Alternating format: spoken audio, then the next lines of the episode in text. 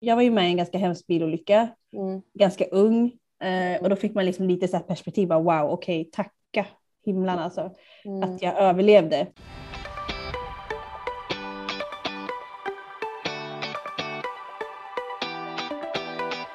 Hej och hjärtligt välkommen till Päronsnacket. Podden där päron snackar just om föräldraskap och karriär. För kan man verkligen ha en karriär och vara förälder samtidigt? Ja, det är just det vi ska ta reda på genom att jag, Klara Maria Mach, intervjuar framgångsrika föräldrar om hur de tänker kring detta ämne. Så nu kickar vi igång. Varmt välkommen!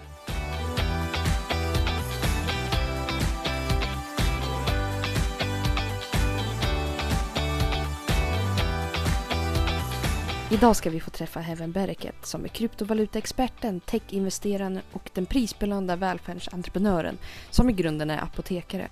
Efter en svår trafikolycka så vill hon ge tillbaka till världen och bedriver bland annat verksamhet i Afrika där hon till exempel hjälpt över 2000 barn med läkemedel och sjukvård. Hennes första barn föddes när hon var student och väldigt länge så var hon ensamstående med två barn. Vilket inneburit då att hennes barn har varit involverade i väldigt mycket. Allt ifrån resor till att testa nya appar som Heaven vill investera i. Och nyligen så fick hon sitt tredje barn och är lycklig i ett nytt förhållande. Idag snackar vi om hur den första iPhone-telefonen och kodning fick henne att tänka kring entreprenörskap. Hur hennes naivitet gjorde att eh, vardagen gick ihop som en ung och ensamstående mamma. Heaven berättar även om att hon alltid blockar tid i kalendern för att alltid finnas tillgänglig för sina barn. Varför det är viktigt att fira alla framgångar och hur tufft det kan vara att känna att en kvinna alltid måste vara uppoffrande. Men hon ger även sina bästa tips kring att investera i kryptovalutor. Så varmt välkomna till dagens avsnitt.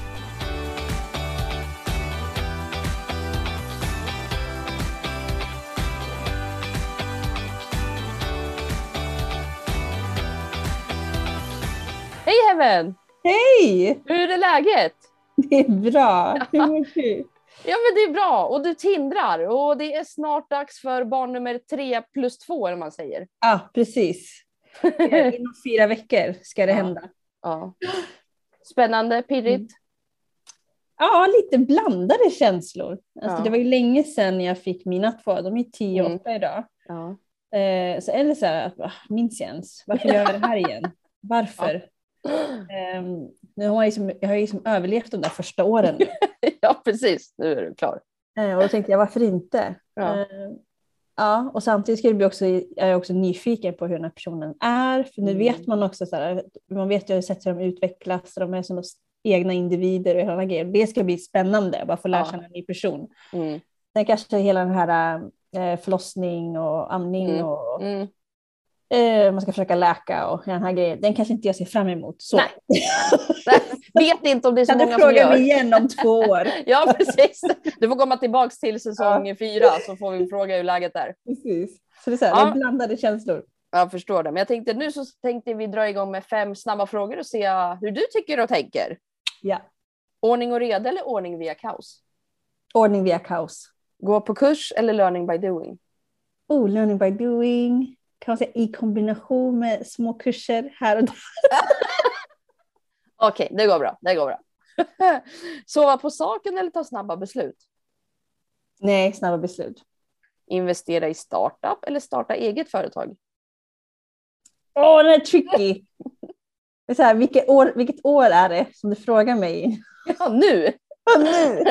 nu vill jag investera i startups. Men Mm. hade du frågat mig för några år sedan så var det ju, i och med att jag ville lära mig så mycket själv, Mm. uh, då var det ju starta eget. Men nu, nu Mm. har jag gjort det. Eh, så nu, nu investerar jag hellre. Mm. Ja. Kryptovaluta eller läkemedel? Ja, för, the, för the better good så jag måste svara läkemedel även om det gör ont. Nej, men det är det som är så roligt med dig, för du är ju utbildad apotekare och ekonom samtidigt. Eh, som idag är så här, kryptovalutaexpert, du är investerare, du är föreläsare och prisbelönad entreprenör på så många vis. Mm. Men alltså hur går man från apotekare till investerare? Det var inte planerat. Nej. Så, så var det ju verkligen inte. Mm. Sen tror jag också man måste förstå att det har, det har på länge. Jag blir ju 34 i år. Så Mm. just när det kommer till hur ska jag liksom, ah, kompetensmässigt för mig själv och för framtiden. Mm. Det började ju med mig själv när jag var 17 år, så just den här nyfikenheten. Eh, och sen hamna i apotekare var ju så här, kändes givet för mig. Mm. Att det var det jag ville bli. Jag skulle bli apotekschef och sen tar jag pensionen. Mm. Men under den resan så träffar man andra och så hade vi 2008, vi fick iPhone i världen. Mm. Det, tekniken började ändras. Jag är inte så duktig på liksom artisteri, alltså sådär, må- måla och sådär. Jag upptäckte kodning, för siffror kan jag. Ja. Och jag kunde skriva lite, några siffror, jag fick en grön knapp, det var ascoolt. och, vet, och så kunde man chatta med andra och folk delade med sig, så här, men jag skriver så här. Och du vet, så jag tror jag, det var liksom också var en kombination av nyfikenhet men också så här, rätt timing Mm. som hände mycket där. Och jag bara insåg att gud, det finns så mycket och jag var liksom som en svamp. Ja. Eh, och tillsammans, jag visste ju vad jag var duktig på. Mm. Så hur kan jag använda det jag kan i det här nya spacet som nu håller på att poppa upp. Mm. Eh, Men du är lite så här trendspanare som ändå hoppar på. Ja, men då var det ju för att det var kopplat till det jag ville Mm. själv ville få mer kunskap kring. Just det. Ja. Annars tror jag att annars är jag så ocool. Alltså jag är så ocool. Jag är inte den som, är så, som har koll på trender eller ja, på det sättet.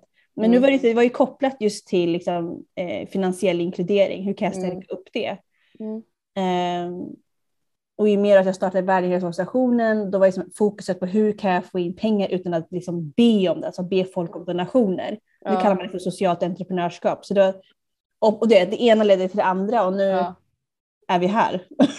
Nej men för alltså, om man bara går tillbaks till din verksamhet, för jag menar du har ju hjälpt över 2000 barn i olika länder i Afrika att få Mm. sjukvård och då genom att du har lärt andra att tänka liksom Ja. krypto väl?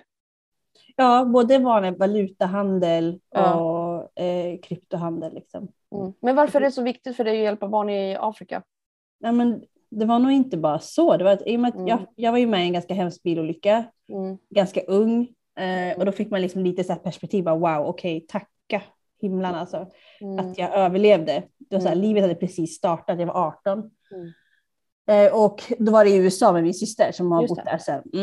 Och det där är så här, I'm gonna sue you motherfucker. Så, så hon är helt amerikaniserad. Ja. Så då fick vi liksom en säck med, på, ja, en påse med pengar och där kände Ja. jag att det här vill jag ge tillbaka på något sätt. Just det. Eh, men jag visste inte riktigt hur, så det tog tid innan jag hittade det. Och då Mm. hittade jag det här med rotavirus då. Ja. Och så tänkte jag, men det här blir ett bra projekt. Sen samtidigt har man ju liksom blivit utbildad här inom Sverige, så det var första gången jag åkte liksom så här, själv och inte för att träffas familj och släktingar, utan jag verkligen åkte för att se annat. Ja. Och fick en helt annan ögonöppnare. Jag bara, Gud, det finns så mycket mer man kan göra här och herregud. Ja. Ja. Och så fick jag stöttning från Farmaceuter utan gränser. Så träffar man andra fantastiska människor som gjorde på olika sätt. Så jag Okej. Men så just det här med donationer eh, känns ju inte hållbart. Så då började jag tänka kring hållbarhet. Hur kan jag, jag kan inte lova någonting. Ja. Så här, och speciellt till ett barn. Nej. Här, och sen bara, ah, sorry, pengarna tog slut här tre år Ja. senare. Ja. Så, då, så här, hur kan jag hitta mig ett hållbart sätt och, ut, och där jag kan liksom spendera min tid som också är liksom en ekonomisk, liksom, det är lite som du faktiskt har. Ja. Det är också en asset som du har som just tid. Hur kan jag spendera min tid på mest effektivt sätt?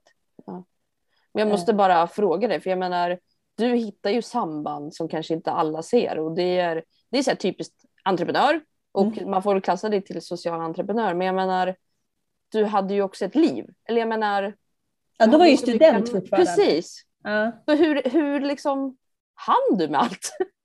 ja, men då var jag ju student så det här blev ju mer som en någonting som jag gjorde på sidan om som en Mm. hobby. Jag hade ju inga planer och tänkte att det här är någonting jag ska göra för resten av mitt liv. Och Nej, nej. det, den här, det här är det spåret jag ska gå, utan det växte ju på mig. Jag hade Just det. fortfarande då att jag skulle bli apotekschef, det är målet. Ah, okej. Ja. Så. Mm. Eh, sen hände det jättemycket inom apotekarbranschen också samtidigt såklart. Mm, mm. Eh, och då fick jag också helt andra möjligheter. Helt plötsligt var det som massa startups. Ja, just det. Eh, och, jag fick, och jag fick stor frihet att kunna göra lite som jag ville. Mm, Och testa olika saker och testa nya Mm. idéer. Så jag blev liksom sporrad på två olika håll. just det. Um, och kände till och med att det är det här jag vill göra. På något Mm. sätt kring det här. Det är det här jag tycker är kul. Jag tycker det ger, liksom, ger mig mest värde och jag tycker det ger bäst värde också ut. Är ett bra sätt för mig att använda liksom min verktygslåda. Jag känner Mm. att jag hade en liten verktygslåda jag kunde använda av men också jag kunde bygga på den över tid. Just det. Men om man liksom spolar framåt några år så har du ju två barn Mm. eh, och du har startat en rad olika verksamheter och reser ganska mycket. Hur har det varit för dig? För jag menar, du har ju också varit ensamstående. Mm. Ja, och Och där tror jag har, har nog tacksam att jag varit naiv, för jag fick ju också barn väldigt ungt. Mm. Så min första fick jag ju när jag var som 23, ja. skulle fylla 24. Men då kom jag ihåg att, och det var i slutet av utbildningen på apotekarprogrammet, och då var mm. det liksom, kom ihåg framförallt äh, kvinnor i klassen sa att men vill inte du ha en, en karriär? Ja. Men jag såg inte att det, att det ena, det ena hindrar andra. Hindrar andra. Mm. Jag sa jo såklart, dö. Ja. så, men jag fick sådana kommentarer och det var lite så här, ja men, det, ja, man skulle typ kalla det kanske lite så här vuxenmobbning, man blev lite den utstötta konstiga människan som du vet mm. inte gör saker på rätt sätt. Nej, precis. Och eftersom jag ändå var i det facket så spelade det ju som ingen roll vad jag gjorde. Då var du, du, allt du gjorde var ändå fel? Allt jag gjorde var ändå fel. Ja. Och sen learning by doing, så här, vi först mamma eh, direkt på. Alice blev väl tre månader när jag tog min, tog min examen där. Hon fick vara med och så här, amma precis innan man gick upp på scen ja. mot diplomet. Ja. Jag, jag, tog nog bara saker som det var. Ja. Jag hade inga förväntningar eller påtryck. Alltså jag tog inte in någonting av det mm. överhuvudtaget. Eh, och jag, mina barn har ju rest med mig ganska mycket fram till skolplikten. Precis. tog vi bort det här hemskolning då. Ja. Det ska vi inte ta upp, men för mig blev det lite tråkigt. Ja. Just för att här, vi, har, vi har fått så, liksom, växa med mina barn tillsammans på det sättet. De har varit med och du vet, testat nya eh, mobilappar som jag var ja. intresserad av att investera i och de har suttit på bankmöten. De har, liksom, vi har sett världen ihop och vi har träffat ja. så många andra människor. Mm. Och det tycker också folk på helt crazy, även mina föräldrar. Alltså, ja. De var så här, men lämna dem hos oss, varför ska du ta med dem? Jag bara, varför inte? Jag hade ja. älskat det. Ja. och sen så, här, så vet man inte vad man får för barn, men de tyckte nej. det var kul. Hade jag haft ett barn som kanske kände, men nej jag stannar hellre hos mormor och far, men då hade ja, jag ju. Och så och sagt, jag har ju haft också sån bra support. Jag har haft mm. mina föräldrar, jag har haft mina syskon, jag har haft vänner som har liksom också varit med och stöttat upp och hjälpt till. Mm. Eh, så här om jag är ensamstående känns det konstigt för mig att säga att jag är ensamstående, för det kändes som att jag alltid hade typ tio personer runt om ja, mig. Det. Men det var andra. Jag tyckte min son som när han var åtta nu, men han var typ sex tror jag, han sa, mamma jag har så många föräldrar. Ja. Och jag tyckte det var så fint för han känner liksom att han har många vuxna som bryr sig om honom. Mm. Um, så att ja. För hur mycket har ni pratat egentligen i din, med dina barn kring alla dina verksamheter och vad du gör? Och, jag menar, för du flyger ändå ganska mycket till olika länder i Afrika. Eh, ja, precis. Fram till pandemin då. Precis, ja. Eh, och, då, och då hade vi liksom en liten så chock. Mm. Eh, diskussion hemma, jag och barnen. Ja, de sa, ja. ska du vara hemma hela tiden? jag bara, ja, ett år i alla fall verkar det som. Ja. ja. Och då var så här, men kommer du, kommer du klara det? Och så jag bara, jag vet inte, men vi får, vi får hitta ett nytt sätt att förhålla oss till det här. Eh, både för dem och för mig och för deras mm. största rädsla. Så, och kommer vi inte träffa morföräldrarna lika mycket? Och så var det det. Ah, så, då, så då hade vi en dialog väldigt mycket kring det. Men annars, de vet ju inget annat. Nej. Alice första resa var tre månader och Filip var sex. Mm. Så, att, så att de vet liksom ingenting annat. Nej, nej. nej det är väl ingen fara egentligen. Jag vet inte, jag reste ju när jag var liten men det var ju mer för att jag har ju bara släkt utomlands. Så mm. att för att ens träffa någon så behövde man ju åka liksom. Ja. Och det tyckte ju folk var konstigt. Ja. att det alltid var det här lilla barnet, jag, eh, mm. som var med. Men jag tänker om man går tillbaks, liksom, har du, för du fick ju barn tidigt mm. och första barnet då hade du egentligen inte riktigt dragit igång verksamheten väl ordentligt utan du fick Nej, Bambino var ju igång mm. då. Ja. Så Bambino var ju igång då. Mm, mm. Eh, men mer som ett så här, engångsprojekt. Det var ja. ingenting som jag trodde skulle vara liksom, established. Men har du varit föräldraledig någonting? Ish. Vad ja, betyder det då? Mm. Ja, men det beror på, för jag fick som sagt jag fick också en karriär inom apoteksbranschen. Ja. Så där har jag varit föräldraledig ifrån, mm. tjänstledig ifrån, mm. haft liksom den flexibiliteten på det sättet. Mm. Um, men när man jobbar eget så har ju barnen varit med. Mm. Och då har vi oftast, och då har, och då har jag också till och med satt, när vi, när vi behövde göra de här resorna, då satte jag ju det schemat tillsammans med dem. Ja. När de väl kunde liksom vara med och bestämma. Ja, vad roligt. Ja. Så det var, och då fick man liksom bara anpassa sig. Men jag förstår, det är inte kul att jag jobbar hela dagen. Nej. Så här, men jag behöver göra någonting varje dag när vi ändå är här. Mm, ja. så, så vilket, och så diskutera, okej, okay, men jag har då, om jag tar ett möte mellan 8 och 10 mm. och så gör vi någonting då från 10 till 3 och så kanske mm. jag kan ta ett på eftermiddagen också. Ja, lite admin. Ja. Så vi satt och planerade, så de visste ju vad som väntade. Nu var det liksom playtime och nu var det worktime. Och ibland jobbar ju de till och med med att här, testa appar och komma med feedback och så. Ja. Så att Ja, jag tror bara att involverar bara väldigt mycket i beslutsprocessen, vilket många tyckte var så här jätteknäppt. Men det jag... känns, från mitt perspektiv mm. så känns det ändå ganska men, sunt på något sätt. Mm. Som man inte tar bort för att det är flera gäster i podden som har ju pratat om att man alltid ska vara engagerad och involverad med barnen. Liksom att så här, sitter man inte och jobbar så ska man vara med dem och sen också tvärtom. Så att barnen känner att de syns och hörs, att man är med och planerar med dem och att de förstår och mm. att de hör och ser så att de fattar liksom syftet med att man är där. Ja, för det vet jag så när jag väl valde att komma ut, så här, komma ut så här, off, så här, offentligt i sociala medier. Ja så var det många som ifrågasatte, ja men är det inte viktigt att du förlorar inte tid med dina barn? Mm. Och det, det är just det här, vad är kvalitet och kvantitettid? Ja. Mm. Så jag bara, ja, men jag hade väldigt mycket tid med mina föräldrar. Mycket, de var liksom närvarande på det sättet. Just det. det är också många av de timmar som de vet, vi kanske inte egentligen hade någon typ av uh, interaction eller Nej. connection på något sätt, utan man var liksom bara i samma rum. Ja, exakt. Uh, så för mig har det varit så här, jag, jag kanske inte har jättemycket tid för att vi planerar olika saker. Så där, men mm. när jag väl är där så är jag är den som leker med dem mest. Mm. Ja.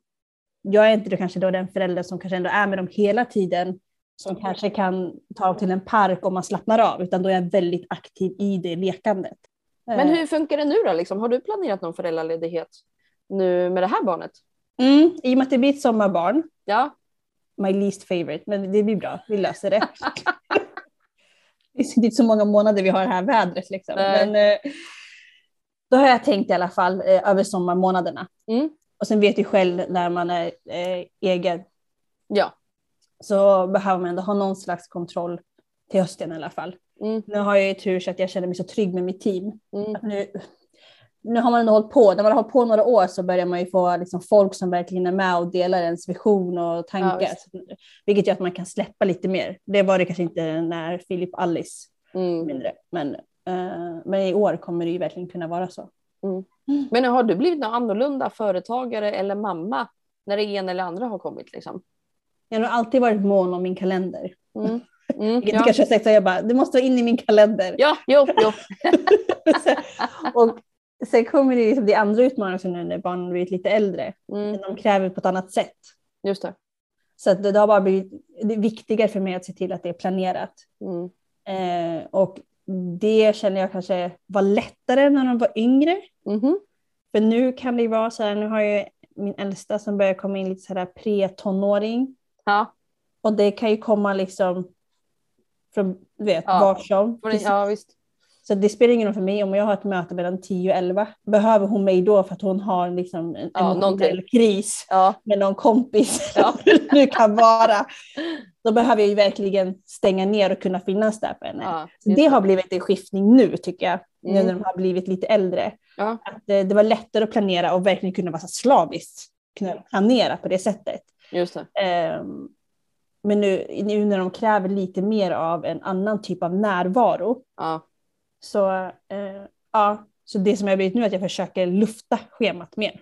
Just det. Mm. Så nu har jag, liksom, jag blockat mer schemat för att kunna vara mer flexibel i att kunna möta dem ja. när de är där. Jag kan inte säga så här, men vänta med dina känslor nu, jag vet att du är upprörd. Jag ska bara avsluta mötet och det vill, ja. inte, det, det, vill inte jag ge henne. Nej. Den känslan, liksom, att, att jag inte finns tillgänglig. Ja, jag fattar.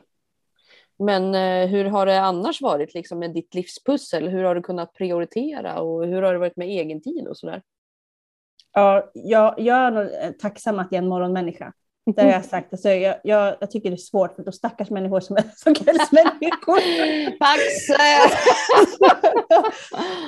Jag vet, så här, det, det, har gjort det. Jag tror det har räddat mig på många sätt. Jag, ja. jag är ju den som gärna går och lägger mig tio och vaknar halv sex ja, ja, jag tycker det är svinskönt att ha den där och jag gör det gärna. Men hur? Heaven, hur? Men jag förstår inte varför inte fler är morgonmänniskor. Var inte alla det som barn liksom? Jag har ingen aning, jag tror inte det. är det ingen annan som kollar på Bolibompa? Oh. Jag vet inte, Nej, men jag, jag, tror det har räddat mig väldigt mycket. Så mycket egen tid har ju varit där. Mm. Jag har alltid den här stunden för mig själv, fortfarande än idag. Wow. Och när jag så dina barn är inte morgonmänniskor? Nej, sonen är det. Så han brukar komma, men då har han i samma tempo som mig. Då kan jag sitta och dricka kaffe och titta ja. ut och så här, jag kan meditera i fred, han gör sitt. Ja. Och sen kommer alla andra. Ja. och, och snubblar in. Ja. Um, men det tror jag har gjort att jag har kunnat liksom sätta tempot. Mm. In, jag- inre tempot. ja, precis. För jag tänkte, Ja. du, som du sa mediterade, det kommer jag ihåg att det Mm. var ju ändå någonting du gjorde ganska mycket. Eller Mm. ändå prioriterade. Ja, Det är något du gör fortfarande. ja. Och, alltså, när jag säger varje dag då vet ni om det finns något bra. Det kan vara ett barn som blir sjuk under kvällen. och Man, Mm. den, då försvinner ju det. Men Mm. ja, till Mm. 95 procent så ser jag till att det något sker. Mm.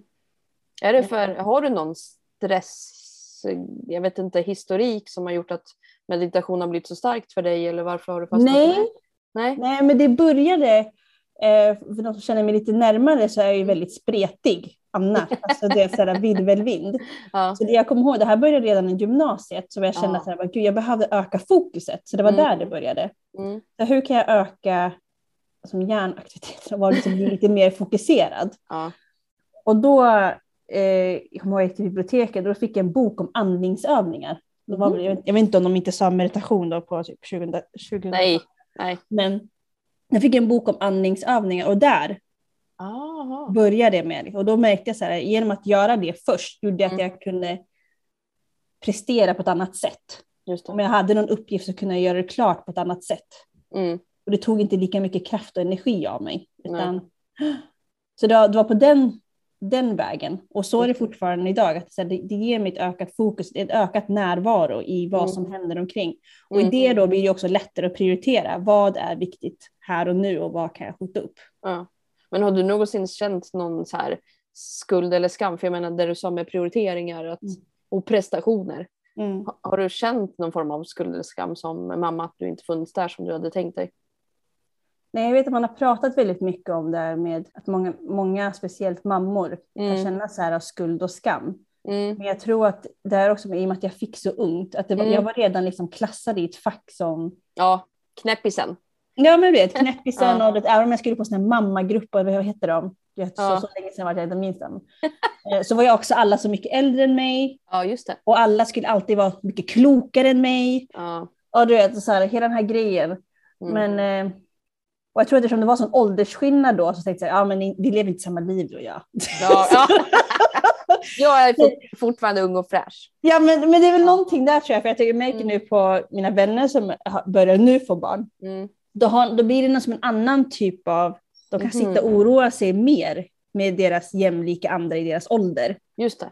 Ja. Jag vet inte om det är det att man jämf- hamnar i någon slags jämförande då, för att ja, man är i så samma ålder, man har kommit en bit i karriären och sen, och, Ja. och jag hade ju aldrig det, jag var fortfarande student. Alltså, jag Ja, var verkligen liksom, den där den personen som man ja, såg ner på.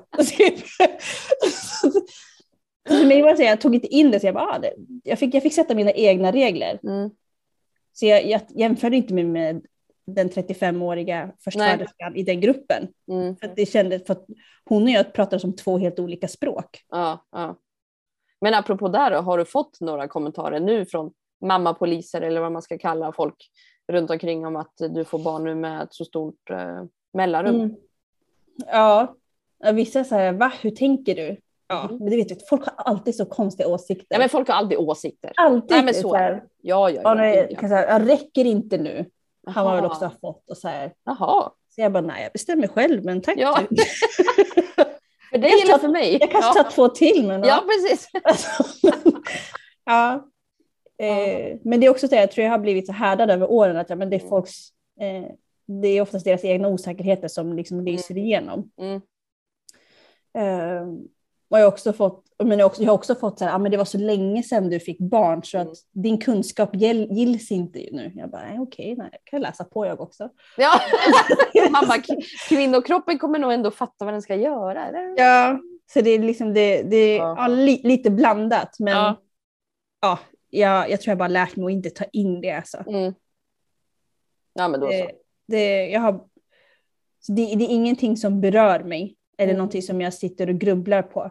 Nej, Och då vet jag ändå att folk har åsikter och kanske pratar om det även bakom ryggen på en. Ja. Men, eh, och där har jag så här, men jag, jag litar på att jag vill mitt, bästa, så vill mitt barn bästa. Mm. Och jag gör liksom så gott jag kan och jag känner mig trygg med dem jag har eh, runt om mig Just det. på det sättet. Mm. Men så förstår jag att det blir svårt, speciellt om är, man är förstföderska och sen man är klassiskt 30 plus och så står man där och jämför och man har allt liksom där som student då, jag hade ju som inte alla de här bitarna på plats. Liksom. Nej, nej. Eh, så stressmässigt, det fanns inte mer. Det var mer så här, okej nu du och jag Alice, nu kör vi. Ja, ja. så så det, det var en blessing i det. Ja. Ja, men. Jag tänker så här, vi kör en liten mellanreaktion. Okej? Så du kommer få tre påståenden från mig Spännande. och så ska du få reagera med lite eh, pinnar på distans. Jag tänkte för er som inte ser mig och Heaven så sitter vi faktiskt på, i olika städer och spelar in på distans. Så nu ska jag visa upp lite smileys. Så Okej. det är en glad, en ledsen, en eh, jag tänker arg och irriterad, Mm, mm, eh, crazy, mm. kärleks och förväntansfull och bara chockad.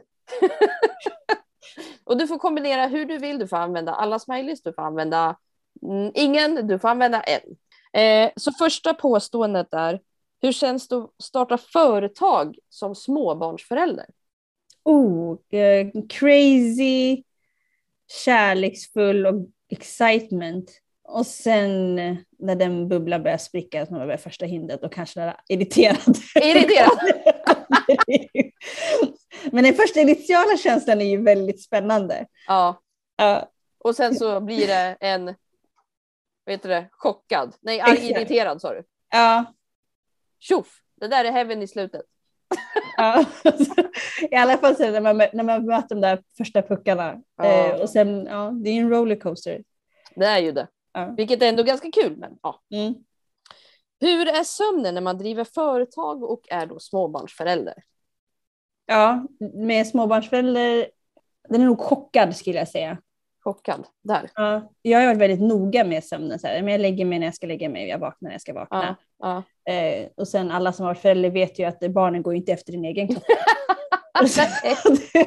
och då vet man att eh, ja, de kan vara sjuka och du sitter hela, uppe hela natten. Mm. Av olika anledningar. Så det blev en chock tror jag när man inte kunde liksom riktigt styra dagen. Att det var många, ja men lite som entreprenörskap. Så, Oj, Ja. där kom den där smällen. Ja, Ja. Då får man liksom py- pyssla om. Så powernaps, när man hittar powernaps då blir man glad igen. ja, När man- glad.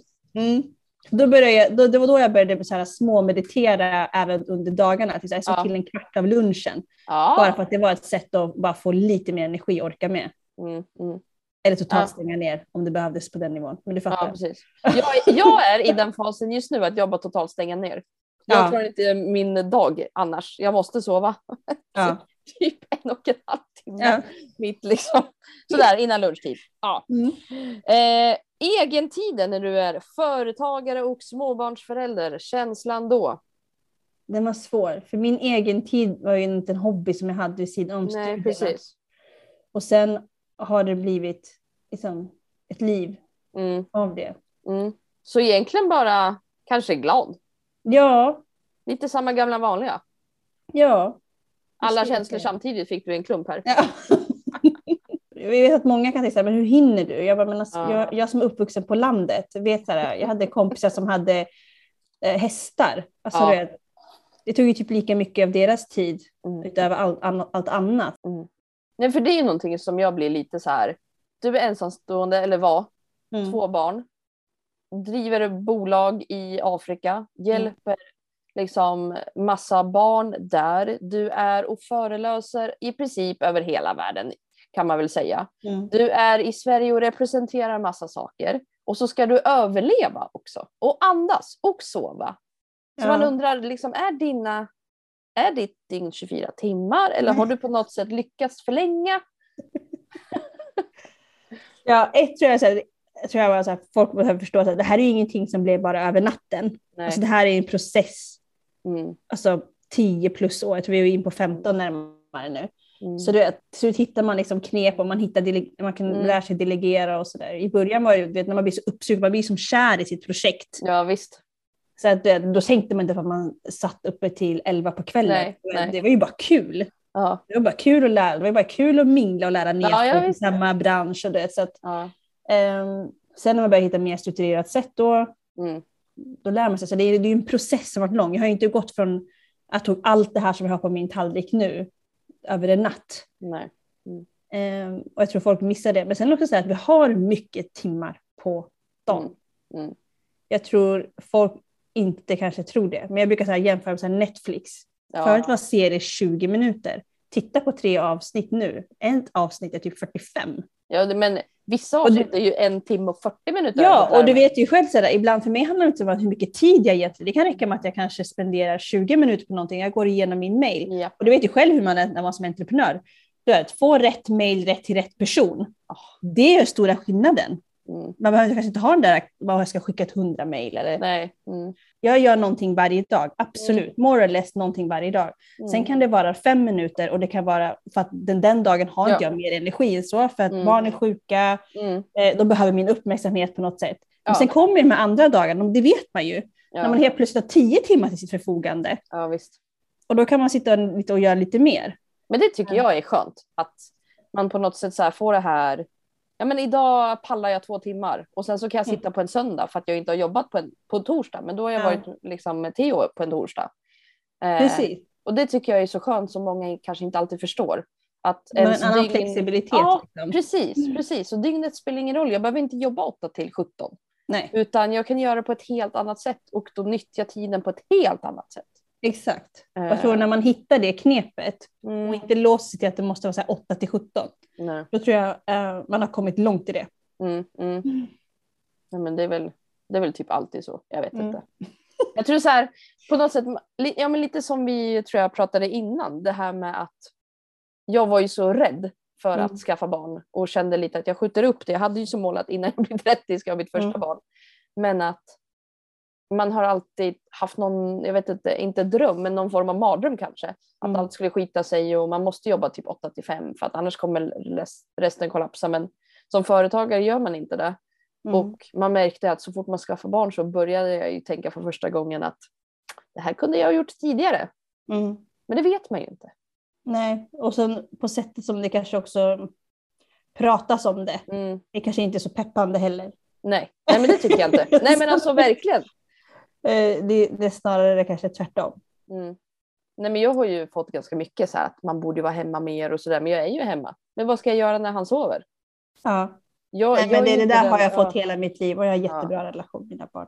Ja. Det gäller att hitta sitt eget sätt. Ja. Um, men det, det, det, finns också stigma, så här, jag, ibland reser jag ju också, nu, speciellt nu när de är liksom mm. skolpliktiga, behöver jag ju resa en till mm. två veckor utan mina barn. Mm. Och den, när den kom, mm när folk börjar säga det, så här, hur kan du vara ut, så här, utan dina barn i två veckor? Mm. Då, då, då, ja, men det var så här, en sån här skamgrej, ja. tänkte inte på det nu, men det var verkligen nog så här, det är nog så här, bara, men gud vad folk är liksom grova. Ja.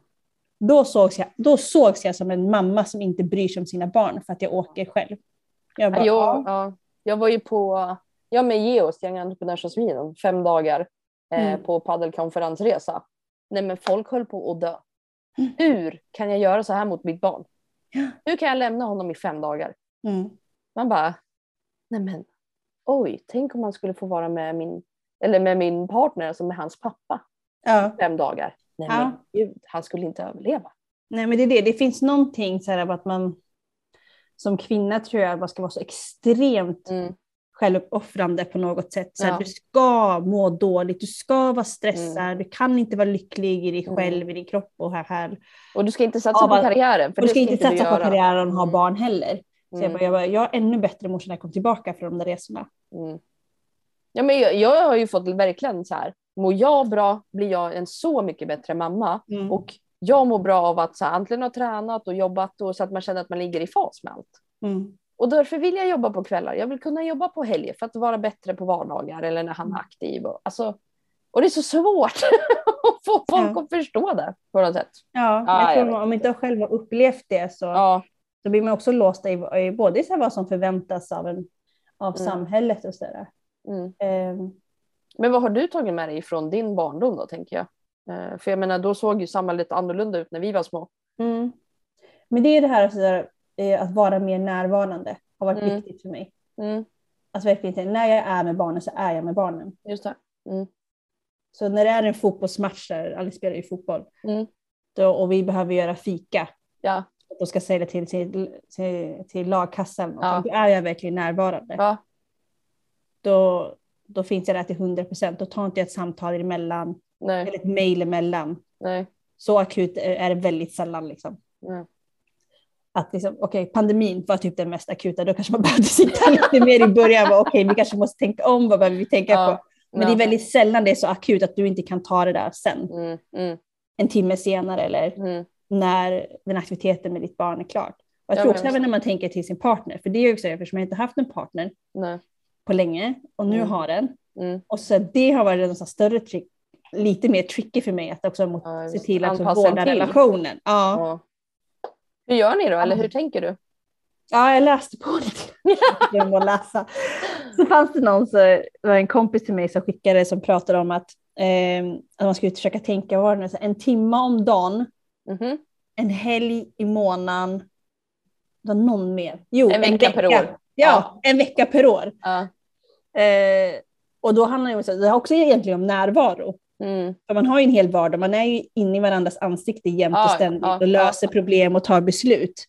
Men just den där timmen då, det behöver inte vara kanske en timme varje dag. Det kanske blir 20 minuter idag, det kanske blir 10 minuter. Men du vet, att man ändå på något sätt sätter sig den tiden och också vara närvarande. Och verkligen höra på inte ta det här på farten hela tiden. Nej, som jag märker att många hamnar i, inte bara med partner men även med sina barn. Att det blir så här, man stannar inte riktigt upp. Mm. Så jag tror så här, det räcker med 10 minuter att bara vara väldigt nära och kunna öva på det, att vara närvarande. Eh, det, behövs verkligen inte så mycket mer. Och jag tror att jag måste lära mig att vara bättre där. För jag märker bara när vi har middagar, men då har man liksom oftast inga telefoner och sådär. Men mitt huvud går ju och snurrar liksom. Ja, Så sitter man där och bara, vänta va, sa vi någonting eller sa vi inte någonting? Eller, ja. Ja. och, det, och det räcker med att vara där just de där 10 minuterna och Mm. vara så där eh, närvarande och kunna liksom Mm. träna på det. Mm. Då, då Det- bygger man liksom en djupare relation på det. ja. Eh, så när en timme kan, kan man, du vet, det är också med barn och allting, en timme kanske är too much. Men jag, jag committar till att det, det ska finnas några minuter där jag känner att men nu, nu är jag här i Mm. den här relationen. Men apropå där då, liksom, hinner du landa i allt du har gjort? Nej, såklart inte. Eh, Men jag gör så gott jag kan. Ja. Firar du framgångar? Alltid. Gör du det? Åh Ja. gud, jag firar min födelsedag, jag firar alla, ja det gör jag. Ordentligt, för att jag vet också så här, precis som du säger, hur mycket man har snurrat i huvudet bara för att försöka ordna det och jobbat framför det. Ja. Absolut. Hur firar du då? Eller har du någon sån här riktigt bra tips på hur man kan fira framgångar? Det som gör dig själv glad, Mm. skulle jag säga. Mm. Ofta så, och för mig har det, jag älskar vatten. Ja. Som det, här, ja, men det, bara ta den här stunden, så bara, nej, nu ska jag bocka av hela eftermiddagen och kanske bara gå och bada någonstans. Eller, Ah. alltså, nej, jag ska unna mig en stor tårt, så här, prinsesstårta. Ja. Och, vet, och verkligen bara njuta av den där med kaffe. Alltså det, ja, det som funkar liksom verkligen för dig själv. just det. Mm. Eller så här, nej, nu ska jag sitta och prata i telefon med min kompis i två timmar och bara snacka skit. Ja, att, du vet, det kan vara på olika sätt. Mm. Nej, nej jag, jag firar stort. Mm. Eh, och jag gör även så med barnen. Liksom, Mm. när de har någonting som Ja. de jag vet de har kämpat med och försökt Ja. Mm. lösa och klurat på. Det var roligt.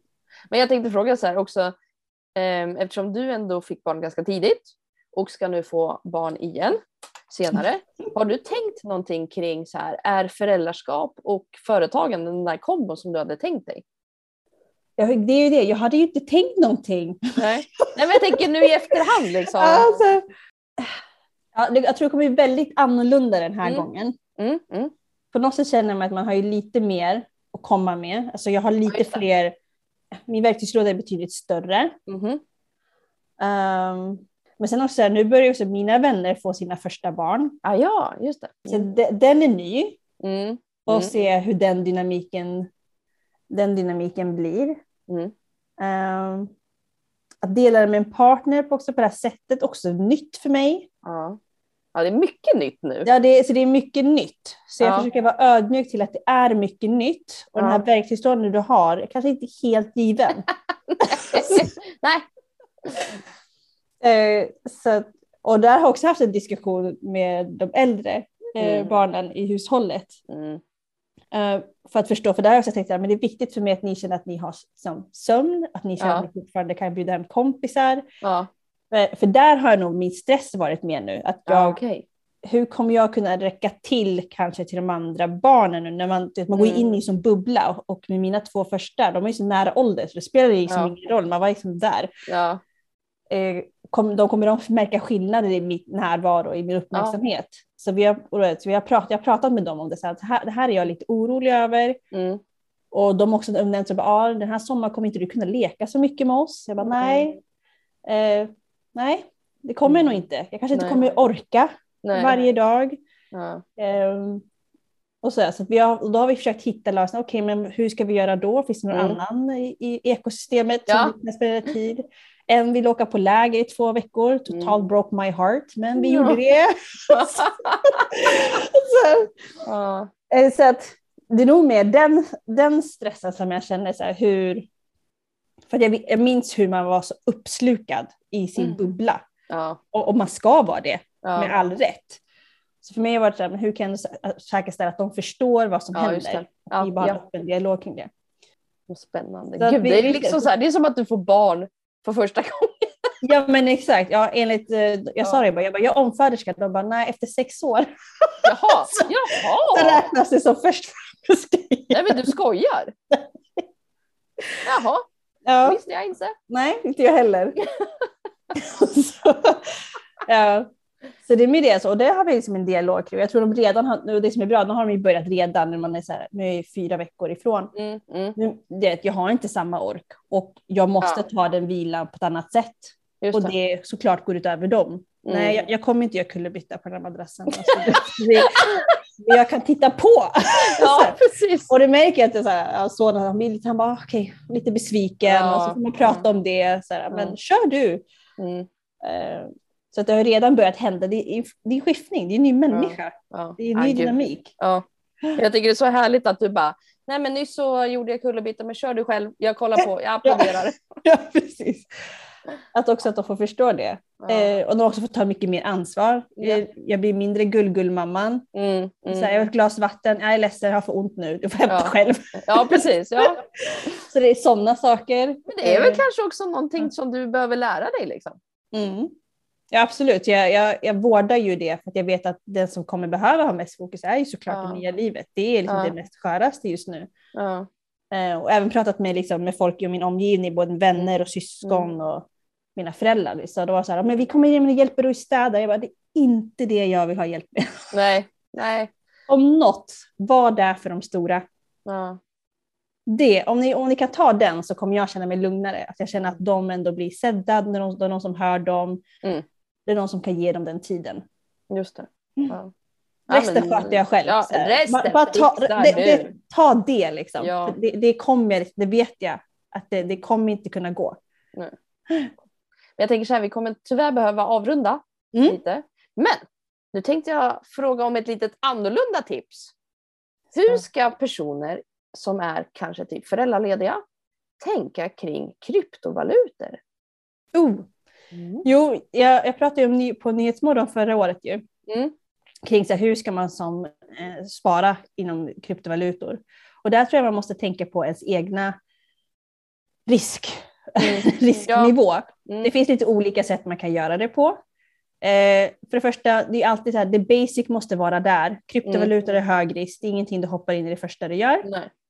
Så det basic då menar som att man har koll på sin budget, man kanske till och med mm. har sparat på något sätt via mm. Nordnet, Avanza eller någon annan sån aktör. Eh, och därför är det absolut lägsta risken när det kommer till kryptovalutor. Det finns så certifikat som man kan köpa där. Just det. Mm. Och eftersom det är så hög risk så ska man normalt sett inte ha kanske 5% av portföljen Nej. inom det. Nej. Så lite så. Så det, det är liksom absolut lägsta certifikatet. Man kan köpa mm. certifikat via typ Nordnet och Avanza även andra. Sen finns det också andra aktörer idag jämfört med förr som är så svenska och det är också svenskägda men det också kontrollerade av Finansinspektionen mm. som Safello. Eh, och då köper man ju då kryptovalutan. Eh, och då, men då måste man lära sig också hur man ska förvara dem för det hjälper inte dem till med. Mm. Mm. Eh, och då kan man också köpa, då köper man ju som på riktigt mm. och inte certifikat. Eh, också där, så här, räkna inte med att det här är pengar som du ska ha till din ja, insats om Nej, två år. Utan det, är liksom, det här är för att du tycker att det är kul, en ny mm. spännande mm. grej som händer, du vill lära dig mm. mer om det. Mm. Mm. Uh, och så får du vara med i den branschen. För vi är 300 miljoner som äger kryptovalutor idag. Så det är ingen liten nation. Nej. Men när man nybörjare så ska man också hålla sig till de topp 10. Ja. Det finns 3500-ish Oh, wow. valutor idag. Mm. Eh, och så finns det en hemsida som heter Coin Market Cap. Där Mm. kan man se eh, vilka som är topp 10 som är beräknat på olika sätt. Det. Men det är också så att de topp 10 är också där, där de flesta av människorna äger, Äger, kryptovalutor. ja. Så att ju fler människor som är med i det nätverket, som man kallar den kryptovalutans nätverk, Mm. desto mindre risk. Ja. Så är det en väldigt ny valuta, inte så många, nya, många som har det, ja, då är det hög risk. Mm. Mm. Så då är det bra att kunna hålla sig kanske till topp 10, kanske topp 5 om du vill ännu vara säkrare. Mm. Mm. Så Ja. det är väl så här go-to beginner. Då tycker jag att de som eh, är intresserade kontaktar Annars Heaven om man har fler frågor tänker jag. Man kan Ja. ju skriva till dig på Instagram eller LinkedIn. Precis. Och nu har de ju till och med på Skatteverket så här, hur man ska deklarera det. De ju, nu de har Nu har det kommit igång. Nu har de hängt med. Ja. Men det var ju inte min sista fråga till dig. Jag har ju även fråga ur burken. Och nu syns inte den, men det är en liten burk. Frågor som gäster från tidigare avsnitt har skrivit. Som Mm. vi har lagt om, kastat om. Och jag tänker när du säger stopp så kommer jag ta upp en fråga och läsa den. Okej. Spä- eh, stopp. Eh, vad har varit bäst respektive värst med att kombinera företagandet med barn? Mm. Det bästa har nog varit att jag, att, att jag har fått kunna involvera dem i resan. Mm.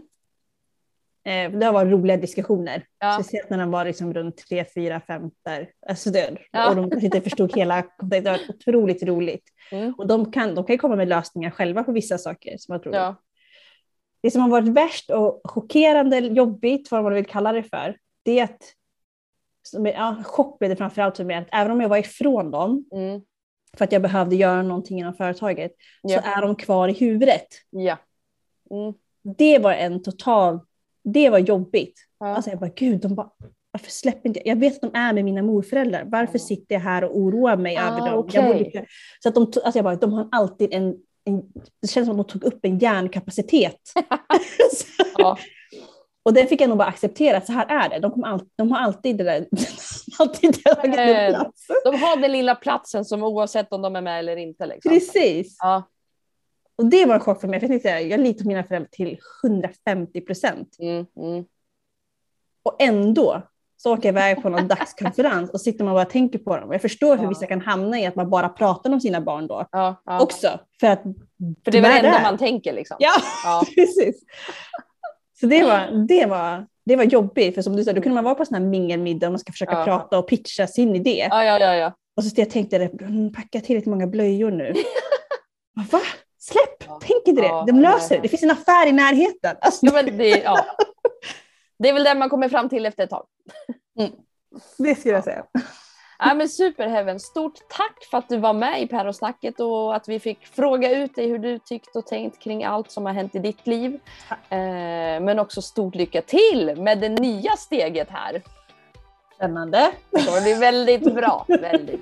Du är ju så förberedd som alltid. Ja, men vi löser det. Vi får, vi får ta det som det kommer. Vi får se vad det är för individ som kommer också. Det vet Ja. Ja, kanske en liten galning som Heaven tänker jag. ja, men stort tack och uh, ha det så bra och stort lycka till. Tack själv för att du var med. Ja, hej!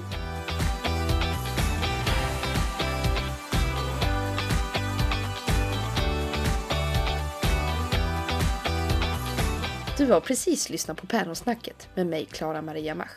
Gillar du podden får du gärna prenumerera och recensera.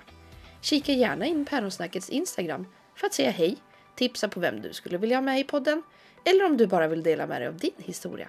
Stort tack för att du har lyssnat. Vi hörs. Hej svejs!